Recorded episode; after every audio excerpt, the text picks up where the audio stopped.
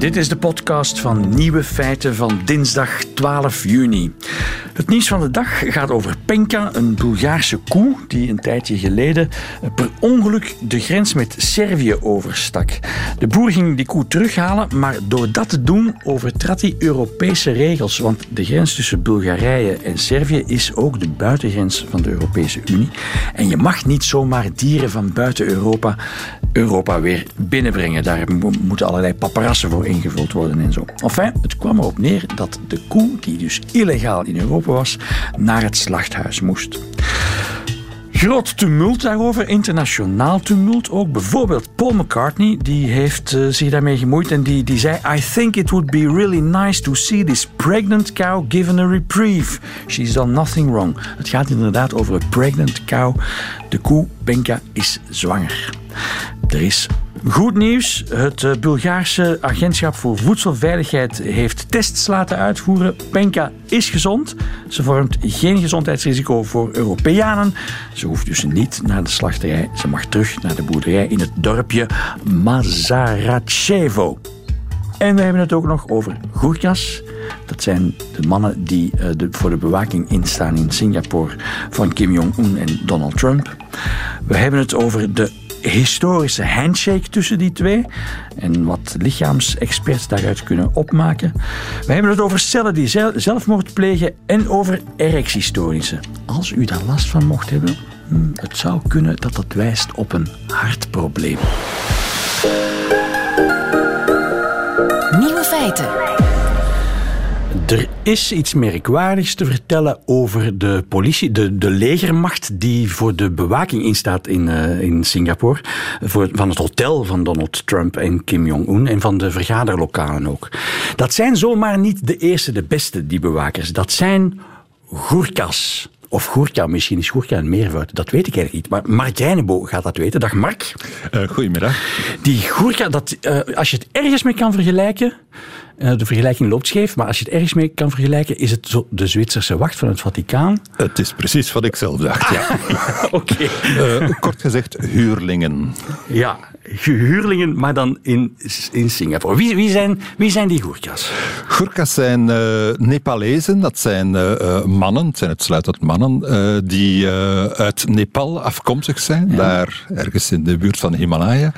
En ehm, die een, een, traditie hebben opgebouwd, en dat is nu al ruim 200 jaar, als zijnde zeer vechtlustige, moedige, volhoudende enfin, militairen. Ja. En de Britten hebben die leren kennen ten tijde van hun ja, kolonialistische oorlogen. Ja. Toen ze uh, het, India, het, subcontinent uh, zijn gaan veroveren. En in, in, in Nepal uh, ja, eigenlijk een nederlaag hebben geleden. En toen hebben gezien dat die Nepalezen, met name de Gurkhas, dat zijn dan, laten we zeggen, een deel van de inwoners van Nepal. Ah, dat is een volk? Dat is een volk. Dat is een ah, etnische groep. Die... Ik dacht dat het een, een, een militaire nee, nee. graad was. Of een, nee, nee, nee, het, is, want, het, is, het is een volk. Ja. Het is een volk, een etnische groep, uh, die uh, grotendeels in uh, Nepal ja. leeft en ook een stukje in, in India. In het noorden van India zijn er wat locaties en er is trouwens ooit nog eens een afscheidingsbeweging geweest van Gurkhas ah, in India, die dan een eigen staatje of een soort autonomie voor zichzelf wilden. Ja. Maar het is, zijn, het is dus een volk, de, de naam is afgeleid van een stad, Gorka,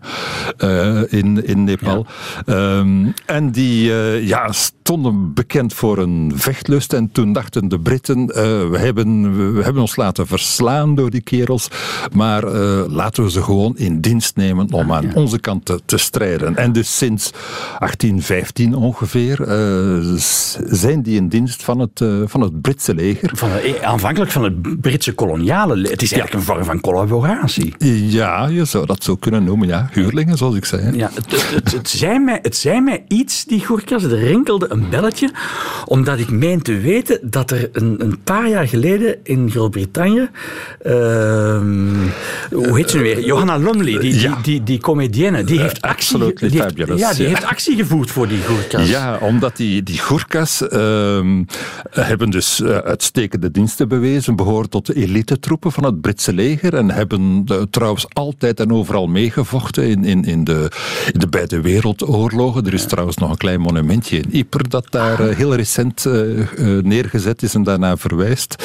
Um, omdat ze dus ook daar in de Eerste Wereldoorlog betrokken zijn. Maar ook in de, de, oorlog in Kosovo, in Irak, in Afghanistan, enfin, noem maar op, in de Falklands. En zelfs de koningin, dacht ik, heeft nog altijd eh, in haar onmiddellijke omgeving een aantal Gurkhas voor haar persoonlijke bescherming. Uh, maar die, dat waren dus mensen afkomstig uit Nepal. En de idee was dat zij, eens zij hun dienst hadden gedaan, werden teruggestuurd naar Nepal. En uh, dan ook, ja, wij eigenlijk werden afgescheept met een heel klein pensioentje. En toen heeft uh, Joanna Lumley, maar er is een hele vereniging van, van Gurkhas, veteranen die ja, voortdurend uh, processen heeft gevoerd om toch bepaalde vorm van gelijkwaardigheid te krijgen. En uh, nu kunnen ze in alle geval al in Groot-Brittannië blijven, wat in een aantal landen niet het geval is. Onder andere in Singapore. Ja. Maar de Gurkha zijn dus een, een volk. Ja. Uh, maar we gebruiken het ook als, als, als ja, soortnaam voor die bewakers daar in Singapore. Ja. Dus, dus je, je, je, wordt niet als, als bewaker geboren, hè, als militair geboren. Nee, je... nee maar het is omdat de de, de, de Gurkhas nu eenmaal een traditie hebben opgebouwd. Want men werft aan in Nepal. Uh, ze hebben een traditie opgebouwd van militair vakmanschap. Ja. Uh, in Singapore trouwens ook geholpen door het feit dat, ons, uh, dat een pareltje van onze industrie daar hun wapens levert, FN. Mm -hmm. en ja, die worden dan ingehuurd en eh, via, via proeven. Die blijken zeer, uh, zeer lastig te zijn. Je moet kilometers bergop lopen binnen een bepaalde tijd met een zak steen of een zak zand op je rug, ja. uh, die ontzettend zwaar weegt. Enfin, dat zijn moeilijke proeven, maar uh, wie daarin slaagt, die, en er zijn altijd kandidaten genoeg, want Nepal ja. is een arm land natuurlijk, ja, die maakt dan kans om in dienst te worden genomen, bijvoorbeeld in het Britse leger of bij de officieren is het een politie van Singapore of in Maleisië of in India. India heeft nog altijd een uh, afzonderlijke Gurkha-eenheid. En ze opereren ook als uh, aparte eenheid. Ah, ja. nooit gemengd met, met anderen. Okay. en zelfs als een Brit er zou lid willen van worden, dan moet hij ja, zich de rituelen eigen maken. Onder andere Nepalees spreken.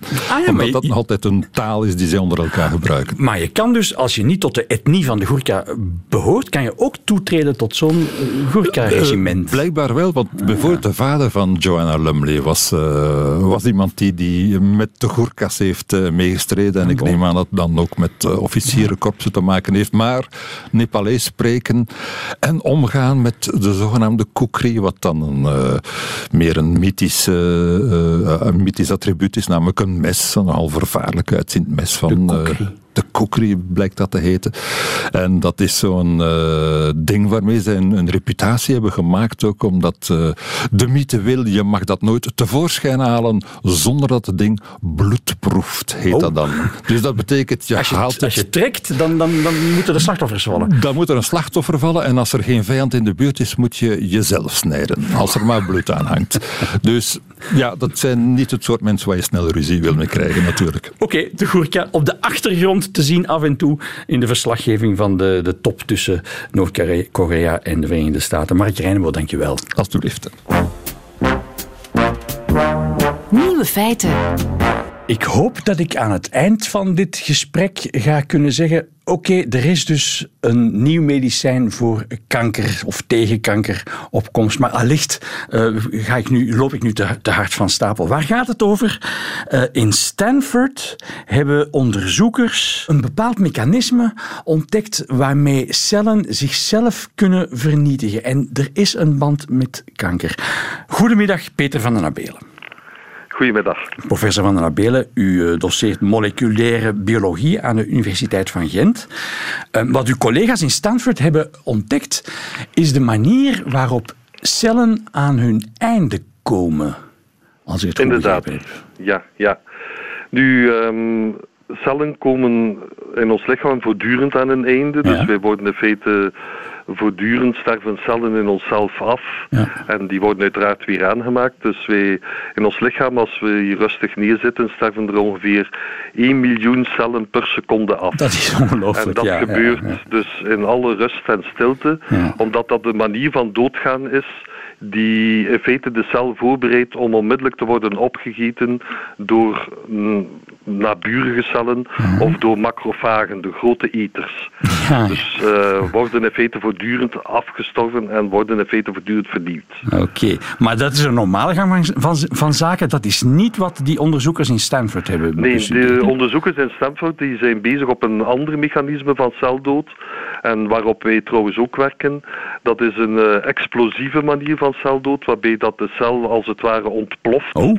En dus die uh, ontploffing zorgt ervoor dat, dit, uh, dat deze manier van celdood niet op een, een stille manier gebeurt, maar heel sterk wordt opgemerkt door ons immuunsysteem. Ah, en dat is natuurlijk heel belangrijk, want ons immuunsysteem beseft dan dat er ergens een, een gevaarlijke vorm van celdood zich heeft voorgedaan. Ah, en die gaat dus die plaatsen gaan opsporen. En dat, zijn dan, dat kan geassocieerd zijn met een infectie bijvoorbeeld, een Ja. virusinfectie. Of bijvoorbeeld eh, kankercellen die op een explosieve manier Ja. doodgaan. Maar cellen die ontploffen, dat, dat klinkt zo. Is dat als, als ze aangevallen worden door, door bacteriën of virussen? Ja, inderdaad, dat is in feite een soort laatste redmiddel van de cel om eh, bijvoorbeeld in het geval van virussen te verhinderen dat de virussen zich kunnen gaan vermenigvuldigen.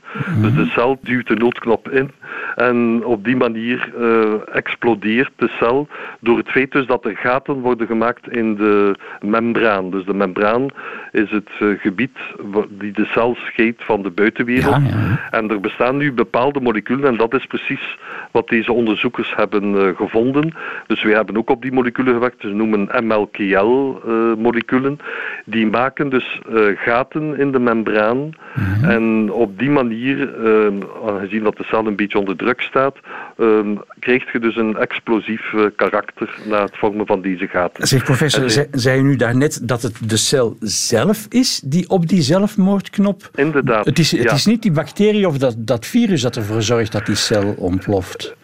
Ehm, nee, het is Ah. de feite de cel zelf of het kan ook in gang worden gestoken door factoren die door ons lichaam worden aangemaakt. Maar het is, het is echt eh, zelfmoord, het is een zelfmoordoperatie. Het is een soort ehm, een zelfmoord of een soort geassisteerde zelfmoord. Ja. Want het wordt in gang gestoken door bepaalde factoren die ons lichaam aanmaken als we een zware infectie meemaken of als we kanker hebben. Ah ja, ah ja voilà. nu komt het Ja. woord kanker op de prop. Ja.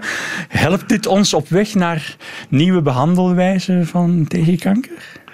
Wel, ik denk dus die explosieve manier van celdood heeft verschillende mogelijke toepassingen. Trouwens, het wordt necroptosis genoemd eh, met het ingewikkelde woord. Ehm, dus deze necroptosis speelt eh, een heel belangrijke rol bij het onderhouden van eh, inflammatoire aandoeningen, zoals reumatoïde artritis, psoriasis, de ziekte van Crohn. en, en dus dat is een heel, eh, dat is een proces waarbij dus de cellen eh, op deze explosieve manier doodgaan en waar tegen heel wat reacties, immuunreacties gebeuren. In het geval van kanker is dat natuurlijk, dus in het geval van die inflammatoire aandoeningen willen we dat uiteraard blokkeren. Maar in het geval van kanker is het juist interessant om deze explosieve manier van celdood te gaan induceren, omdat dan ons immuunsysteem wordt geactiveerd tegen bepaalde antigenen die op de kankercellen aanwezig zijn. Ah ja, je kan die En die exploderende, worden dus ja, die exploderende kan- exploderen- kankercellen die geven een signaal aan je eigen immuunsysteem dat Ja, dan die kankercellen weer gaat aanvallen. Ja, en dat is eh, dus die explosieve manier van doodgaan van kankercellen is waarschijnlijk eh, sterker, eh, zal het immuunsysteem veel sterker stimuleren dan de stille manier van doodgaan door bijvoorbeeld de Ja. apoptose, wat dus normaal altijd gebeurt. Ja, en u noemde daar straks de naam van het stofje dat die explosie triggert. Als je dat stofje in, in een soort van medicijn verwerkt, kan je die kankercellen zelf gaan triggeren, als het ware. Of Wel, maak je nu veel te simpel? Nee, wel, maar er gebeuren op dit moment, ik denk dat er, ehm, dus wat de mensen in Stanford gevonden hebben, is dus dat eh, het stofje, dus MLKL, Ja. pas toxisch wordt als het gaat interageren met een suiker waarop heel wat fosfaten zitten. Ah, dus inositol 6-fosfaat. En wanneer dus die combinatie wordt gemaakt, dus dat gaat binden op MLKL, dan wordt MLKL heel toxisch. En dan krijgen we dus een betere uitschakeling van uh, mogelijke kankercellen. Oké, als ik nu nog een vraag stel, wordt het veel te technisch. Ja, ja. Maar de, de, de, essentie is inderdaad dat het mechanisme is ontdekt of ontrafeld waarmee die kankercellen exploderen, en andere cellen ook, en dat dat inderdaad wel perspectieven biedt. In ja, om, om, om ons immuunsysteem te stimuleren tegen virussen, maar ook tegen kankercellen. Oké, professor Van der Abelen, dank u wel voor deze hoopgevende boodschap. Ja, graag gedaan. Bla, bla, bla. Nieuwe feiten. Bla, bla, bla. Radio 1. Bla, bla, bla, bla, bla, bla, bla, bla, bla. Een bla bla bla jingeltje om naar de gesprekken tussen Donald Trump en Kim Jong-un te gaan. Dat is een beetje oneerbiedig. Iedereen heeft het er vandaag over. Wat is daar precies besproken? Ehm, maar wat er niet wordt gezegd, of wat er, niet, wat er wordt gezegd uh, zonder woorden, is misschien wel belangrijker dan wat er wel wordt gezegd. We gaan praten met een eh, deskundige lichaamstaaldag, Dana Ketels. Ja, hallo. Hebt u, het is spannend, hè? Ja, ja, ja, het is heel spannend. En is dat aan de lichaamstaal van de twee heren te zien dat het spannend is? Ja, nee, ze zijn rustig. Ze zijn rustig. Ehm, ik, ik, heb niet, niet echt spanning gezien, maar het is wel interessant om, uh, om te bekijken. Ja, het is bijna onmogelijk dat ze rustig zijn. Dat, dat is dan misschien, misschien verbergen ze de spanning. Ja, dat zou kunnen. Alhoewel, ik heb mij daar niet op gefocust. Ik heb mij gefocust op de, de handdruk, hè, waar iedereen het over heeft. Ja. En um, ik heb een foto gekregen en ik zie ook een filmpje. En op de foto, um, dan zou je kunnen zeggen van kijk, Trump die uh, toont toch een vorm van dominantie. Omdat uh, in in politiek gaat het om macht. Hè. Het gaat niet om gastvrijheid. En um, dus anders dan bij ons in politiek wil degene die de macht heeft die wil op de linkerkant, als wij daar naartoe kijken, van de foto staan. Is het waar?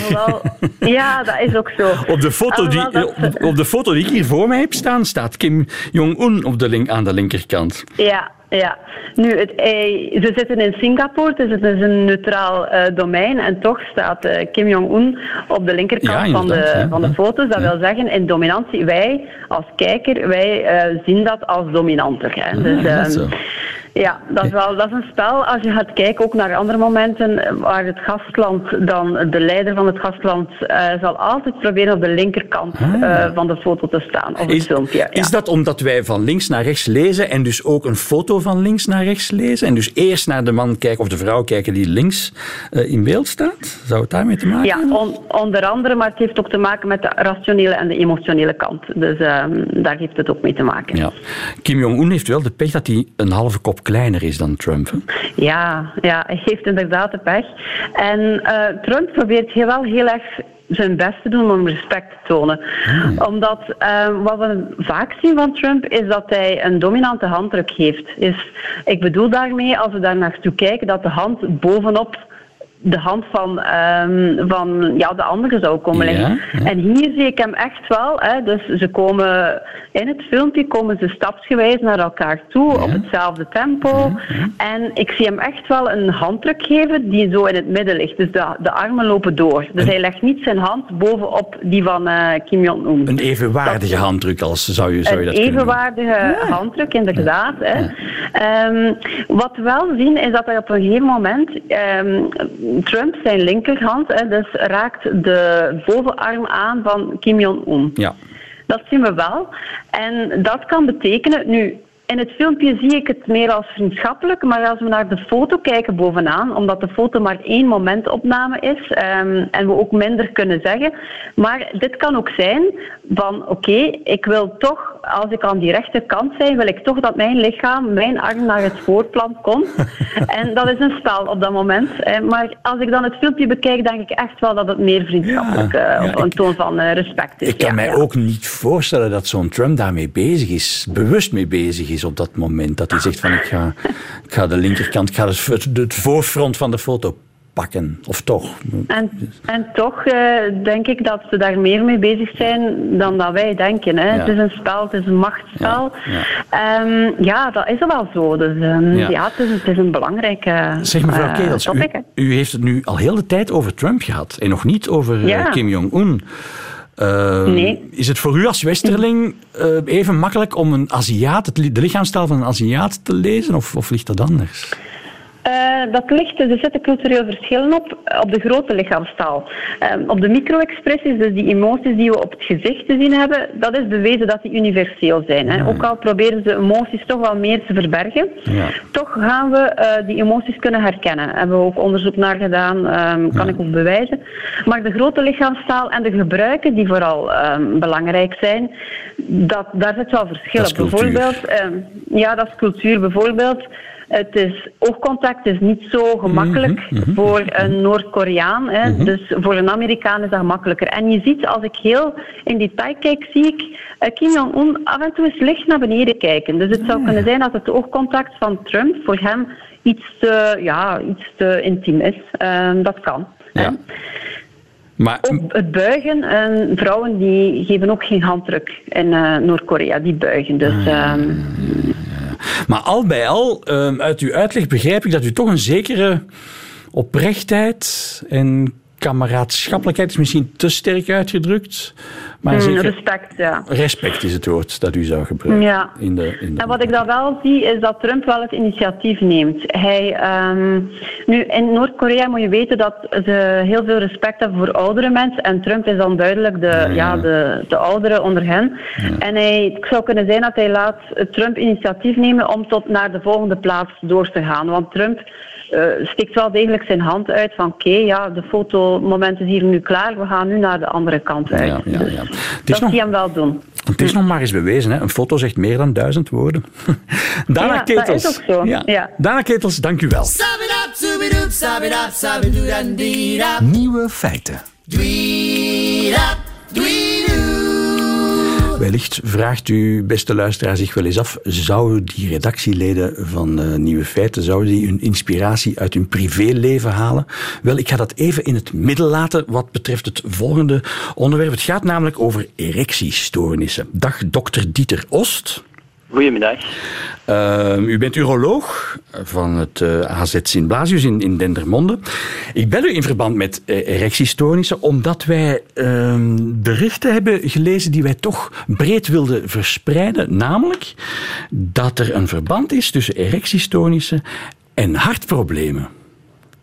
Dat klopt. Hè. Ehm, er is eigenlijk nu gisteren een eh, mooie studie in een toonaangevend vakblad voor cardiologen verschenen, die voor het eerst zwart op wit aangetoond heeft dat mannen die op middelbare leeftijd zijn en die erectiestoornissen hebben, dat die eigenlijk een uh, veel hogere kans hebben op het ontwikkelen van bijvoorbeeld een hartinfarct of het ontwikkelen van bijvoorbeeld een herseninfarct.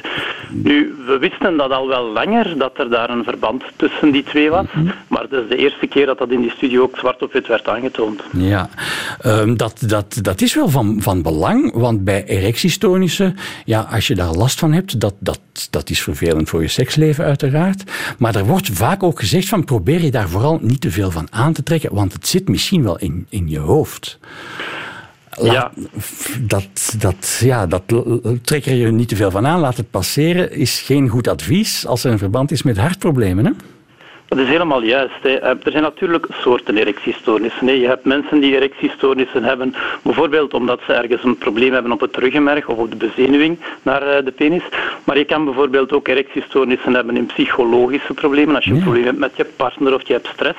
Maar deze studie toont toch ook wel aan dat een heel aantal mensen die bloedvatproblemen ontwikkelen, wel degelijk ook andere problemen kan ontwikkelen. Je kan je voorstellen, een erectie ontstaat eigenlijk doordat de bloedtoevoer naar de penis toeneemt.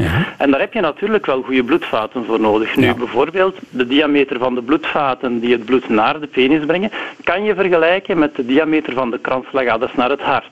Hmm. Dus je kan je wel voorstellen dat als er een verhoogde bloedtoevoer bijvoorbeeld naar de penis moet komen, en dat lukt niet zo goed, dat mogelijk ook de bloedvaten in het hart van hetzelfde probleem zullen uh, problemen ondervinden. Hè. Ja. En dat is waarschijnlijk wel de relatie daartussen. Ja, ja, ja. Wil dat nu zeggen dat je meteen naar de, naar de hartspecialist moet gaan en niet naar de uroloog?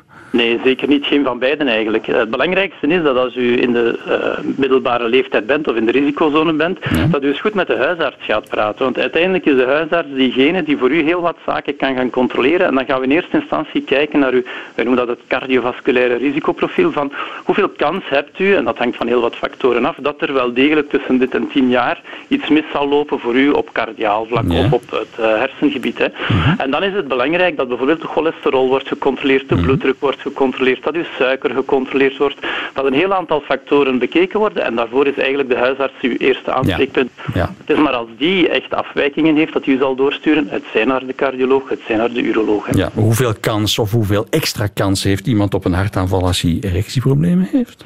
Ja, als iemand erectieproblemen heeft volgens deze studie dan, en die zou effectief um, een, een profiel, risicoprofiel hebben, moet je rekenen dat je eigenlijk een dubbel zo hoge kans hebt. Dus jouw kans is hoger. Eigenlijk, wat die studie aantoont, is dat als je erectieproblemen hebt, ja, dat je toch wel best eens naar de cardioloog kan gaan op om, te, om uit te sluiten dat er geen onderliggend, niet aanwezig of niet zichtbaar cardiaal lijden is. Ja, en een erectieprobleem, is dat bijvoorbeeld, ja, mijn ochtenderectie is niet meer wat ze ooit geweest is, is dat al voldoende om uh, alarm te slaan?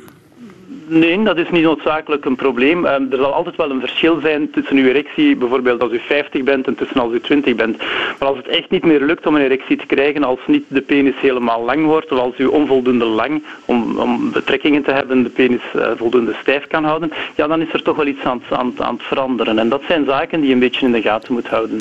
Dat komt nooit plots, hè. dat is iets wat geleidelijk aan verslecht meestal. Okay. Dokter Dieter Ost, mag ik u danken voor deze uitleg. Graag gedaan.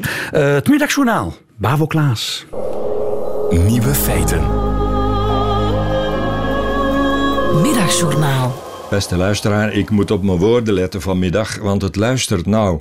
Ik wil namelijk iets kwijt over dat deel van de mensheid dat een lichte huidskleur heeft. De wetenschap spreekt van de Europide mens of het Caucasische ras. Nou ja, ras. Laten we zeggen de uit de Caucasus stammende mensensoort met als volkenkundig kenmerk een uh, vaalbeige taat. De kleur van kort aangebakken zalm. Welnu, ik vind het geheel terecht dat anders gekleurde inwoners van de lage landen erop staan deze bleekscheten blanke te noemen. Dat woord roept immers meteen associaties op met kwalijke fenomenen als minderheidsregimes, kolonialisme, overheersingsdrang en arrogantie Iemand blanke noemen is zoveel als een verwijtende vinger naar hem opsteken. Prima, bleekscheten mogen voelen dat ze een collectieve schuld te dragen hebben. Donkerder gekleurde landgenoten verzetten zich dan ook met recht en reden tegen blanken die nu opeens witte genoemd willen worden. Wit is altijd schoon, nietwaar? Wit is smetteloos en ongerept. Wit is in de leer der symbolen de kleur van de onschuld. Als je bij iemand een wit voetje haalt, krijg je zijn sympathie. Als je in het wit trouwt, straal je maagdelijke puurheid uit. De witte vlag staat al eeuwen voor vredelievendheid. Ik heb de witte waterlelie lief is een van de mooiste Nederlandse dichtregels. Wat zegt u nu? Heb ik het verkeerd begrepen? Willen de getinte mensen het woord blank juist afschaffen en vervangen door wit? Oei, wat nu?